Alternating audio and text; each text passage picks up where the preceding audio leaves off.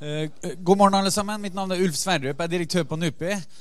Tusen takk til alle som har kommet hit i morges. Eh, takk også til alle panelistene som er her. Og takk til Terje Svabø, som skal lede møtet. Det er åpenbart at uh, innenrikspolitikk og nasjonale saker skal dominere en valgkamp. Sånn er det i nesten alle land, og sånn bør det også være i Norge. Og sånn er det også i Norge. Men utenrikspolitikk spiller også en liten rolle. Jeg skal si fem gode grunner til at eh, vi på NUPI har ønska å invitere til dette møtet. Og hvorfor utenrikspolitikk bør være en viktig del av valgkampen. Det første er at nesten alle innenrikspolitiske saker har en utenrikspolitisk dimensjon. Er du opptatt av klima og migrasjon? Er du opptatt av arbeid og velferd? Er du opptatt av vekst og konkurransekraft? Opptatt av forsvar og sikkerhet? Alt sammen har, utenriks, har en utenrikspolitisk dimensjon. Det andre er at for de fleste av oss så har vi opplevd de siste par årene som en tid med ganske store geopolitiske omveltninger. Og vi må også stille oss det spørsmålet hva betyr disse for Norge? Et av de, nordområdepolitikken, som har vært en stor satsing til både de rød-grønne og de blå-blå, ser nå litt annerledes ut med Russland. Det transatlantiske samarbeidet, som har vært en viktig bjelke, kanskje ser litt annerledes ut med den nye amerikanske administrasjonen. I Europa er en brytningstid. Norges forhold til EU har ligget ganske fast i 25 år. Men vi ser intensivering langs det fransk-tyske samarbeidet. Mens et av de største landene skal ut brexit. Kanskje skjer det noe i neste stortingsperiode. Forholdet til Kina er normalisert. Det skal utvikles en ny politisk og økonomisk plattform for samarbeid med Kina.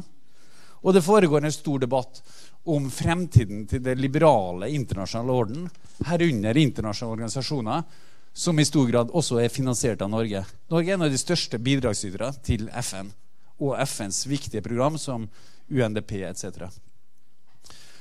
Til slutt så handler ikke dette bare om sikkerhet og forsvar. Det handler også om økonomi, handelspolitikk, investeringsavtaler etc. Så det er noe av det som har skjedd de siste periodene, og kommer til å skje også inn i neste. Det tredje punktet er at Norge har veldig mye utenrikspolitikk for til andre land. Vi bruker ganske mye penger på det. Ved tippe min gjetning i neste stortingsperiode så kommer Utenriksdepartementets samla budsjett til å være rundt 150 milliarder kroner. Hvis Norge skal holde seg til Nato-målet, så kommer vi også til å bruke kanskje 200 milliarder, kanskje enda mer, i neste stortingsperiode i Forsvarsdepartementet. Så da blir det en diskusjon selvsagt, om volumet på disse pengene og innretningen av det. Herunder en diskusjon om størrelsen på bistandsbudsjettet. Og Det fjerde punktet er at vi ofte sier at det er konsensus om hovedlinjene i norsk utenrikspolitikk. Og det kan være vel og bra, men på mange områder skal ikke pirke så dypt før vi ser at det er ganske store forskjeller. Både på målene man ønsker å oppnå, på hvilke midler man foretrekker, og hvilken rekkefølge man vil prioritere saker. Og det siste, og det er ikke uviktig, velgerne er ganske opptatt av det.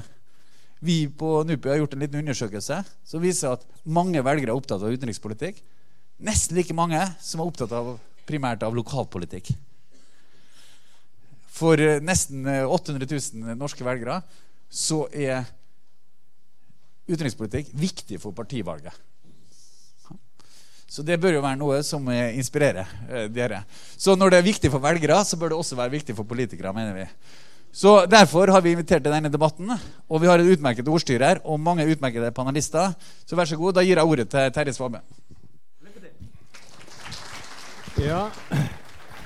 Tusen takk skal du ha, Ulf. Og um, jeg er helt enig i at det er flott at så mange er kommet. Og det har absolutt uh, fordeler og ulemper med at vi er i et uh, veldig bredt eh, demokrati i Norge. Vi har da ni, ni deltakere, og det hele streames, kjære dere. Både sal og her oppe. Det streames. Og dere i salen og alle som eh, ser på når det gjelder streaminga, kan være med og diskutere på hashtaggen 'velgerne mener'. Velgerne mener. Så det er bare å sette i gang nå, og gjerne fortsette når vi er ferdig klokka ett på ti. Da er vi ferdig. Fordi at det er veldig mange her som skal på gruppemøter og mye annet. Det skjer så mye nå. Det er jo straks valg. Eh, så det vi skal gjøre her, det er at vi skal dele dette i tre bolker, eller i fire bolker, for vi skal avslutte med en kjapp duellrunde mellom eh, representantene for Høyre og, og, Arbeiderpartiet om liksom nå når vi har fått avklart alle spørsmålene, håper vi, eh, om hva det betyr om det blir for å være på fornavn Erna eller Jonas som skal fortsette eller overta. Eh, vi starter med en runde på ca. 20 minutter om nordområdene. Så tar vi Norge og EU, stikkord, EU, stikkord brexit, og så Norge og FN, og så den lille avsluttende duellen. Og alle skal få ordet i hver bolk. Jeg lover dere det. Ok, Hvis vi da begynner med nordområdene, Anniken Huitfeldt. Det var, og Du er leder av utenriks- og forsvarskomiteen, som alle sammen vet. Så var altså nordområdene den store satsinga til den rød-grønne regjeringa. Og også Børge Brende og den nåværende regjeringa fulgte opp. Men så har det jo gått galt, altså. Hvor er det blitt av nordområdesatsinga? Ligger all skylden hos uh, Putin og derfor sanksjonene, eller hvorfor har nordområdesatsinga til Norge feila? Vær så god. Det er jo preget av forholdet til Russland som er endra etter Ukraina-krisen. Utvilsomt. Og klart, det er mer og mer som er styrt fra Moskva når vi ser våre lokalpolitikere i nord. Men jeg mener at nordområdepolitikken fra regjeringen allikevel ikke har vært offensiv nok. Fra dialog til handling skulle være nærmest oppgjøret med Jonas Gahr Støre. Dialogen har i grunnen forstummet. Og vi fikk jo en påminnelse om det da dialogen ikke var på plass da krisa på Storskog oppsto. Så jeg mener at det er veldig viktig å stå 100% opp for sanksjonene. Og her har jeg støttet regjeringen og Brende langt mer offensivt enn Fremskrittspartiets utenrikspolitiske talsperson. Jeg til og med SV har vært enig i det. Så det mener jeg vi skal være 100 opptatt av. Men det er for lite dialog. Det er for lite oppbacking av det politiske samarbeidet som er mellom lokalpolitikere i nord. Dette er eh, et fredsprosjekt. Og her har regjeringen i stor grad lagt en nordområdesatsing som handler om sykehus og andre ting. Det har blitt utvanna. Så det du sier, er at du står, Arbeiderpartiet står fullt bak regjeringens politikk, men regjeringen snakker for lite med Moskva? Regjeringen er altfor lite opptatt av dialog i nordområdene. Kommer ikke med nye initiativer og har ikke lansert nye offensive tiltak for å styrke det konkrete samarbeidet vi har i nord. Og jeg mener at det burde vært mer politisk kontakt mellom Norge og Russland de siste årene. Selv om helt åpenbart forholdet er preget av Ukraina-krisen. Og så må vi styrke også Forsvaret. Men jeg mener at denne fastheten eh, den må fortsette. Men denne fastheten handler også om dialog. Det var dette du dypt enig i, Kristian Dybring-Gjedde. Du er stortingsrepresentant for eh, Frp og talsperson. Ja, det er jeg. Jeg mener at forholdet til Russland er viktig, som Anniken sier. Men da må du også eh, se på sanksjonene som vi selv har innført sammen med Europa. Jeg tror ikke det er verken realistisk eller i Norges interesse at vi viderefører disse. Og ikke har det noen virkning heller. Eh, Russland kommer ikke til å forlate Krim, og det syns jeg noen bør si nå. Uansett hva vi gjør, kommer ikke til å forlate Krim. Og Da mener jeg at norsk utenrikspolitikk skal preges av Norges interesser og realisme. Dette er ikke realisme. Det er egentlig bare en markering av at uh, den påstanden om at Russland har brutt folkeretten Og uansett om de har brutt folkeretten, så mener jeg det er at vi burde avvikle ti, uh, over tid sanksjonene mot Russland. Så det, så, det, å bryte folkeretten, det skal demokratiet i Norge akseptere? Det er mange som bryter folkeretten. Vi, bruker, vi bryter menneskerettigheter, og vi samarbeider med land som bruker menneskerettighetene hver eneste dag uten at vi får den tilsvarende. Og det å ha et godt forhold til Russland er helt avgjørende for Norge. Og da må vi se hva er i våre interesser. Nå har vi heldigvis fått et godt forhold til Kina. De bryter menneskerettighetene, men forholdet er viktigere. Russland bryter menneskerettighetene, men vi har forhold til Kina.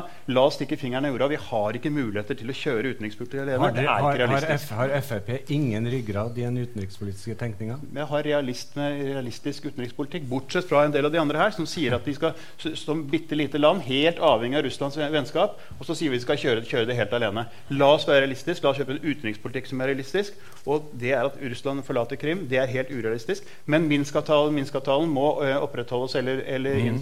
innfris. Og det er helt uh, vesentlig, for det som skjer i Øst-Ukraina, det kan vi ikke akseptere. Hilde Fraffer Jonsson, generalsekretær Kristelig Folkeparti, tidligere statsråd. Vær så god.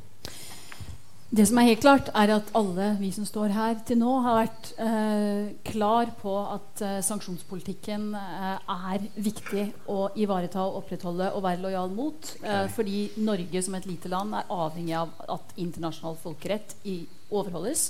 Og vi er de første som taper som et lite land hvis det ikke skjer. Når det så gjelder hva som eh, er relasjonen til Russland nå og framover, så er det jo en interessant bevegelse i det som skjer i Europa. Vi har jo vært en del av den internasjonale sanksjonspolitikken, men vi ser en bevegelse med på det politiske planet. F.eks. at Merkel og Putin nå møtes, at det bilaterale aktivitetsnivået øker, at det er mer dialog. Og dette er også noe som Norge bør være en del av. Så det som er viktig, er at stolpen på sanksjonspolitikken den, den står fast. Men Vi er for å ivareta folkeretten, men vi må også ha eh, en åpenhet for en større politisk dialog. Dette skjer nå. Eh, og det er jo ikke til å stikke under en stol at vi også har stor interesse av at naboskapsarbeidet eh, ja. i nordområdene ivaretas skikkelig. Så det er den tredje stolpen. Ja, så litt prinsipiell. Ordentlig prinsipiell. Ordentlig prinsipiell. Ok. Bård Vegar Solhjell, SV. Nei, altså, jeg, jeg, jeg, merker meg at Fremskrittspartiet Norge sier egentlig deler av Fremskrittspartiet Norge er vel det riktig å si, uh, nærmer seg den ja, lette leflinga med autoritære krefter som vi ser at høyrepopulister andre steder i Europa gjør. Og det er betenkelig. Her må vi klare å ha en linje. Når et, når et land grovt bryter folkeretten, annekterer deler av et annet, så må vi ha et, en prinsipiell og klar kritikk av det. Enten det er USA som invaderer Irak, eller det er Russland som invaderer Krim. Og da er det Noen partier sier at vi ser litt mellom fingrene når det gjelder USA, men ikke når det gjelder Russland. Andre sier vi ser litt mellom fingrene med det enten det gjelder USA eller Russland. Det er det Kristian Tybing-Gjedde sier. Men vi må stå for den samme prinsipielle kritikken uansett. Det er min og SVs linje. Så er det likevel sånn Jeg mener det er stort rom for mer dialog, et nærere forhold til Russland ved siden av det. Det er jo det som er den historiske linja i Norges suksess overfor Russland. Jeg må si at jeg undrer meg over altså En ting er at jeg og Trine Skei Grande ikke slipper inn i Russland. Jeg tror mm. Børge Brende slipper inn. Jeg undrer meg over at regjeringa ikke har hatt mer politisk dialog. Forsøkt å være litt nærmere enn andre europeiske land. Jeg undrer meg òg over at de har valgt egentlig lite viktige aggressive tiltak som utplassering av styrker på Værnes, som å delta i innsatsstyrken i Litauen, nei, i, i Baltikum.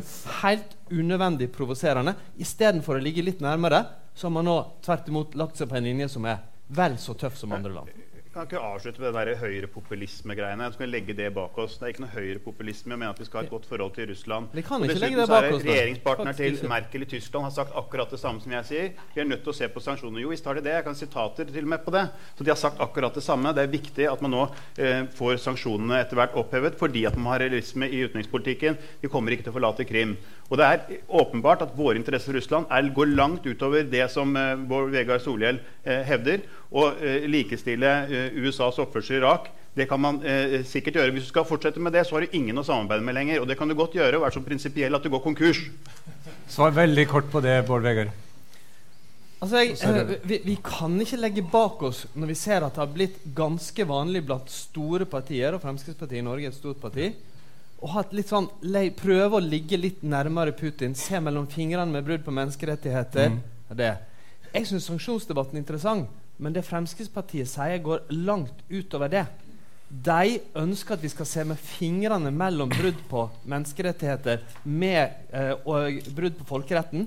Det vil være en farlig linje for et lite land som Norge. Vi må ha en klar kritikk av det, samtidig som vi har et tettere samarbeid med Russland. Trond Helleland, parlamentarisk leder Høyre. Takk. Eh, vi skal opprettholde sanksjoner mot Russland så lenge ikke de oppfyller Minsk-avtalen. Det er helt klart. Og det er ganske dramatisk. Det blir liksom nesten nå føysa vekk at eh, et europeisk land invaderer et annet europeisk land, annekterer et landområde, driver en slags hybrid- eller skyggekrig eh, i Øst-Ukraina. Det er veldig alvorlig, og det må jo møtes med tiltak. Det er derfor Norge som en god Nato-alliert også bidrar i Baltikum. Det er derfor vi er med på sanksjonspolitikken. Men det å sette likhetstegn mellom nordområdepolitikken og forholdet til Russland blir også litt feil. Hvorfor det? Fordi at vi bl.a. har oppretta eller er med i Arktisk råd, har fått sekretariatet til Tromsø. Vi ser at store globale aktører som Kina, USA, Canada osv. er veldig aktive i nordområdepolitikken. Og det har med ressursgrunnlag å gjøre. Det har med de fantastiske verdiene som vi kan skape i Nord-Norge og holdt på å si, ute i havet. Eh, Svalbardpolitikken vår er en del av dette. Det å ha en sterk tilstedeværelse på Svalbard. Så det å si at eh, dialogen med Russland er på en måte nordområdepolitikken, det er jeg ikke med på. Men at mm. dialogen folk-til-folk-samarbeid med Russland skal styrkes framover og utvikles, det er vi for. Så det er en dualisme, dette. Men så lenge Putin beveger seg i feil retning og ikke gjør noen ting for å rette opp de feilene han har gjort, så mener jeg at vi må opprettholde ja. sanksjonene. Og da, da, da, ga det meg på sølvfat eh, Trond Helleland, noe som jeg tror vi kommer til å avklare i løpet av dette eh, frokostmøtet, at det er uenighet mellom partiene, og definitivt også uenighet mellom alternativene. For du er jo dypt uenig i hva Frp her sier. Ja, altså Kristian har sagt dette lenge. Ja, ja. Han må få lov til å si det, men jeg er uenig med han. Nettopp. Hva sier du, Kristin Antun? Du er annenkandidat for Miljøpartiet De Grønne i uh, Akershus. Ja, Miljøpartiet De Grønne vil føre en tydelig og dialogbasert eh, politikk overfor Russland. Eh, men det må være vekt på både menneskerettigheter, demokrati, demokrati og folkerett. Men også da med mål om et, om et godt naboskap, eh, og særlig da i Barentsregionen. Eh, den posisjonen vi har i Arktis, er unik, eh, og en bærekraftig og fredelig utvikling her er et sentralt mål for vår utenrikspolitikk. i hvert fall. Og det krever da dialog og samarbeid. Men samtidig så må vi være krystallklare på at vi kan ikke akseptere brudd på menneskerettighetene. Vi må, eh, vi, vi må si fra at brudd på grunnleggende folk folkerettslige prinsipper i Ukraina mm. er ikke greit. Brudd på internasjonal rett i eh, Syria er ikke greit, og det er alvorlig eh, når det skjer. Eh, og særlig da for eh, et lite land som Norge. Det gjør verden mindre trygg for alle, og særlig for oss. Mm. Eh, og så tenker vi at vi må unngå at Nato øker spenningsnivået. sånn at vi vil jo si nei til f.eks. utplassering av rakettskjold eh, i Nato-regi på norsk jord. Vi syns det virker uklokt å etablere det som fremstår som permanente amerikanske baser i Trøndelag. Og så må vi huske på at vi har en del viktige eh, miljøutfordringer også eh, i Og før, før, Bjørnar Moxnes nå får ordet, fra, som er leder i Rødt Hvor Miljøpartiet hvor føler dere dere mest hjemme? Sammen med Erna eller sammen med Jonas? altså Nå tenkte jeg på det vi diskuterer i dag, ikke generelt sett. Uh, altså, uh, det er jo ikke noe tvil om at når vi har diskutert her, så føler vi oss jo altså, De fleste her er jo relativt på linje, eh, ja, ja. unntatt Frp. Og det er jo ikke noe tvil heller om at, at det er der den største skillelinjen ligger. Men, Akkurat Jonas og Erna, det får vi jo se på. Ja.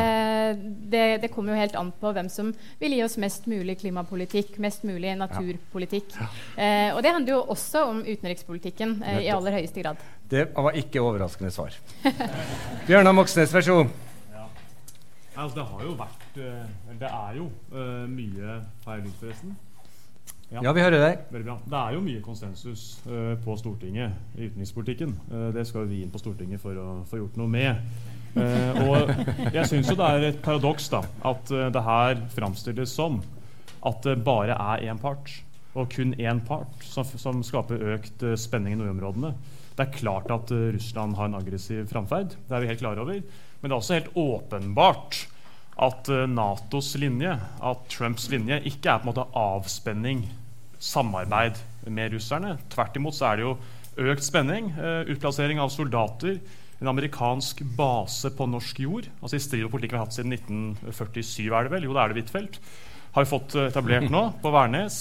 Det at Norge eh, skal delta i rakettskjoldet, altså missilbatteriinstallasjonene til, til Nato, at vi deltar i øvelsene på Baltikum, at vi også er, deltar eh, bl.a. i uh, destabiliseringen av Syria gjennom å trene opp opprørsgrupper som ingen, ingen, her veit hvem egentlig er lojale til. Uh, vi har jo en del, en del ting vi kan rydde opp i for egen del også, hvis, hvis målet er avspenning mot mm. russerne. Og jeg er er i tvil om det på sikt er sånn at det er, har veldig, veldig, god effekt overfor russerne å videreføre sanksjonspolitikken. Hvis vi skal være konsekvente her, så bør også Norge da gå inn for å sanksjonere alle land som bryter folkeretten. Okay. Og der har vi bl.a. en stor nabo i vest som har gjort det i Irak. Så en konsekvent linje er å gå inn for i så fall sanksjoner mot USA, men det har jo ingen partier her vet du hva jeg vet, tatt til orde for. Jeg må bare få lov til å si at jeg ikke glemt Sigbjørn Gjelsvik og Ola Elvestuen. Eh, dere skal få komme tidligere. Dere skal få komme nå, men dere skal få komme tidligere i neste runde. Men bare Anniken Huitfeldt, veldig raskt. Eh, har vi nå for første gang fått baser? Nei, vi driver trening og øving sammen med amerikanerne. Det var langt flere Nato-allierte her under den kalde krigen enn det vi ser nå. Vi trener sammen på Værnes. Dette er langt unna den russiske grensa. Kan ikke oppfattes som en provokasjon. Så vi må klare at hver gang prot russerne protesterer, sier at ja, ja, nå må vi, må vi, legge oss flate. Vi er nødt til å trene bedre. Vi er jo nå langt flere soldater på NATO sin side, viser en del beregninger, men vi er for dårlig samtrente. Mm. Og dette vil styrke altså kvaliteten okay. på Ola, norske forsvar. Ola Elvestuen, Venstre. Ja. Nei, men Du har jo noen andre prinsipper her også. for Det er på en måte, det virker nesten ofte i debatten som man glemmer ukrainerne. Eller balterne andre, som også sliter jo selvfølgelig med russerne mye mer eh, direkte. Én ting er folkeretten og, og, Krim, men det annet er at vi også har en interesse om å jobbe for å bygge opp under en demokratisk utvikling i disse landene som, som grenser opp mot uh, Russland. Og Vi skal også passe oss for et Russland som nå undergraver demokratiske prinsipper. Det gjør det heller ikke bare i Ukraina. Mm. Man manipulerer og prøver å involvere seg i valg. Det har skjedd uh, i flere vesteuropeiske land, enten det er i, i, Nederland, det er i Italia, det er i Frankrike. Og det vi skal passe oss for Vi må holde en stødig linje der vi opptrer i fellesskap med resten av Europa. Holde fast ved sanksjonene. Og vi skal også passe oss for ikke fra et russisk side bli med på den splittelsen av europeiske land, som jo er i deres interesse. Og Det er også en del av balansen vi må ha i nord med dialogen. For ja, vi skal ha et sterkt folk-til-folk-samarbeid, eh, men du må også passe deg for at du ikke går for langt i den dialogen og det å, å jobbe for det gode norske eh, samarbeidet, sånn at ikke blir, vi blir en del av det å lage strekk i det europeiske samarbeidet. Det er ingen tvil om at det er noe vi har interesse av, så er det at vi opptrår samla overfor mm. Russland for folkerett, men også for å bygge opp under en demokratisk utvikling i mm. både Ukraina og andre land i, i øst. Flott. Sigbjørn Gjelsvik, du er sekretariatsleder i Senterpartiet. Ja, det er jeg. Og så er jeg førstekandidat til stortingsvalget. Akershus, ikke minst. Så er det, ja, ja. det er mulig å stemme på ja. Er å stemme det skulle jeg selvfølgelig ha sagt. Beklager det. Du kan gjenta det en gang til. Altså. Førstekandidat til stortingsvalget i Akershus. Ja, det er bra. Um, altså for første, altså Norge som et lite land er avhengig av folkeretten og respekt for folkeretten. Og vi må være tydelige overfor Russland og andre land når den, den blir utfordra. Samtidig så er det viktig at vi ivaretar det gode naboskapet som vi har hatt med Russland. Og det har jo vi klart. Altså Det er veldig mange andre land som ikke har klart å ha et godt naboskap med Russland. Vi har tross alt klart det. Og det er viktig i fortsettelsen. Og da da er det et problem òg altså hvordan en håndterer den situasjonen. Og sånn rent, rent politisk i forhold til hva slags initiativ en tar. Hvordan en uttaler seg. Når f.eks. kommer uttalelser fra partiet til, til, Helleland som sier at forholdet til Russland er varig endra. Altså, da er det med på å bygge opp en mm. konflikt i forhold til Russland, istedenfor å forsøke å dempe ned og, og, og bygge dialog. Men så har vi òg et ansvar for, i den situasjonen som en står altså To grunnpilarer mener jeg i i norsk sikkerhetspolitikk har vært både ene er avspenning, og andre er avskrekking. Og det at vi sørger for tilstrekkelig tilstedeværelse, suverenitetshevdelse òg i nordområdet, er viktig. Og da er det utfordringer med den langtidsplanen som en har lagt. Og det er jo ganske interessant når en løpet av sommeren har fått ganske klare eh, bekymringsmeldinger i media, både fra sjefen for Heimevernet og sjefen mm. for, eh, for, eh, for Hæren, i forhold til at hvis rammene for landmakta sånn som ligger, ikke blir økt, så Eh, så svekker det vår evne til å, eh, å forhindre angrep. Et par kjappe eh, replikker nå før vi skifter tema. Trond Helleland, vær så god. Ja, det var Bjørnar Moxnes som snakka om eh, at det var ikke bare russerne som var aggressive i nordområdene. Nei, det er jo ikke der russerne er aggressive. Nordområdene er jo et uh, rolig område. Der er det dialog. Vi har folk til folk sammen. Vi har Arktisk samarbeidsråd, som faktisk bidrar til den dialogen, og at Norge skal være en aktiv pådriver. en kanskje den mest aktive nasjonen i det samarbeidet, er utrolig viktig for å holde lavspenning i nord. Og så eh. Heimevernet skulle liksom bidra til å redusere spenningen. Vel, Heimevernet er viktig, men det viktigste for Norge det er å ha øyne og ører i nord. Være Natos øyne og ører i nord. Derfor nye maritime overvåkningsfly, derfor nye ubåter, derfor F-35, derfor en sterk oppbygging av Forsvaret. det høyteknologiske forsvaret, som skal være avskrekkende, men samtidig et forsvar som kan uh, følge med på det som skjer i Russland. Kort fra, ja. kort fra Moxnes og så uh, Gjelsvik. Ja, Det som det legges opp til med det nye forsvaret vårt, det er jo at man skal uh, gå inn for en, mm. i så fall en fullskala uh, stormaktskrig over norsk territorium. Men vi kan se for oss at det også kan bli hyppige provokasjoner eventuelt fra en stormakt mot norsk territorium. Og da har vi et problem, da, hvis vi har bygd ned landmakten, bygd ned uh, Heimevernet ja. og brukt nesten alle pengene vi har tilgjengelige på å anskaffe altså, uh, bombefly fra USA som er skreddersydd for ett spesielt oppdrag, nemlig å delta i å bombe utenfor eget territorium uh, for å kunne unngå bl.a. Uh, overvåkning osv. Jeg holdt på å si at for en gangs skyld var jeg enig med Christian Tybing-Gjedde, men det blir veldig mye forsvar her nå. Ja, Husk at vi snakker si. om nordområdene.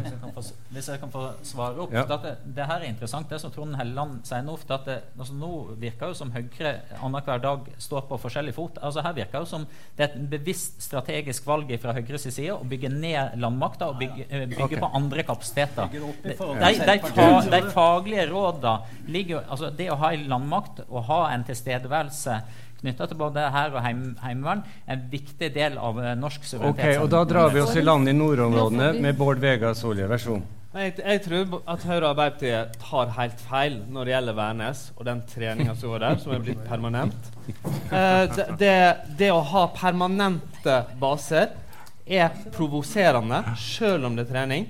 Og det er et valg vi har gjort sammen med Rakettskjold og Baltikum som vil i hvert fall kunne bli oppfatta som om det utfordrer Russland. Og så Hvis jeg får en kort kommentar til Bjørnar Moxnes Hvis det dreier seg om nordområdene, så hadde det vært veldig jeg fint. Det dreier seg om det, det, men jeg hørte på hans første svar, og jeg var faktisk enig i absolutt alt han sa.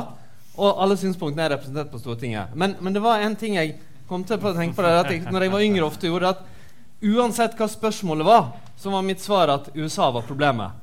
Eh, og, og, når det gjelder om Russland, og spørsmålet om Russland, så er faktisk Russland hovedproblemet og ikke USA. Eh, det er veldig, USA er et problem i veldig mye i verden akkurat nå. Men, men i Russland så er det, og det er liksom det jeg oppfatter som, den, som en prinsipielt viktig linje, det er at uansett hvilket land som bryter folkerett, så må vi kunne kritisere deg. Ja. Må kunne svare på direkte, direkte Hva sa du? Gutta får snakke mer enn jentene. Gjør de det? Ja. Men du, det skal jeg passe Ja, pass deg. Det, det skal jeg love deg at det ikke kommer til å bli sånn, altså. Det, ja, ja, ja. Nei, altså Anniken, eh, da tør jeg ikke komme hjem, altså, så det, du kan være helt trygg på OK, ok, Bjørnar Moxnes, du kan ikke skifte kjønn, men veldig raskt da skal få svare. Og så skal Hilde altså, Frafjord Jonsson få lov til å avslutte denne bolken om nordområdene. Man kan skifte kjønn. Ja. Det, er det er ikke en aktuell problemstilling her og nå. Det er ikke en del av hele forhandlingen til stortingsvalget. Men altså, jeg, Det er forstått greit å høre litt om Vålerenga Solhjells uh, ungdomstid. Det var interessant og relevant.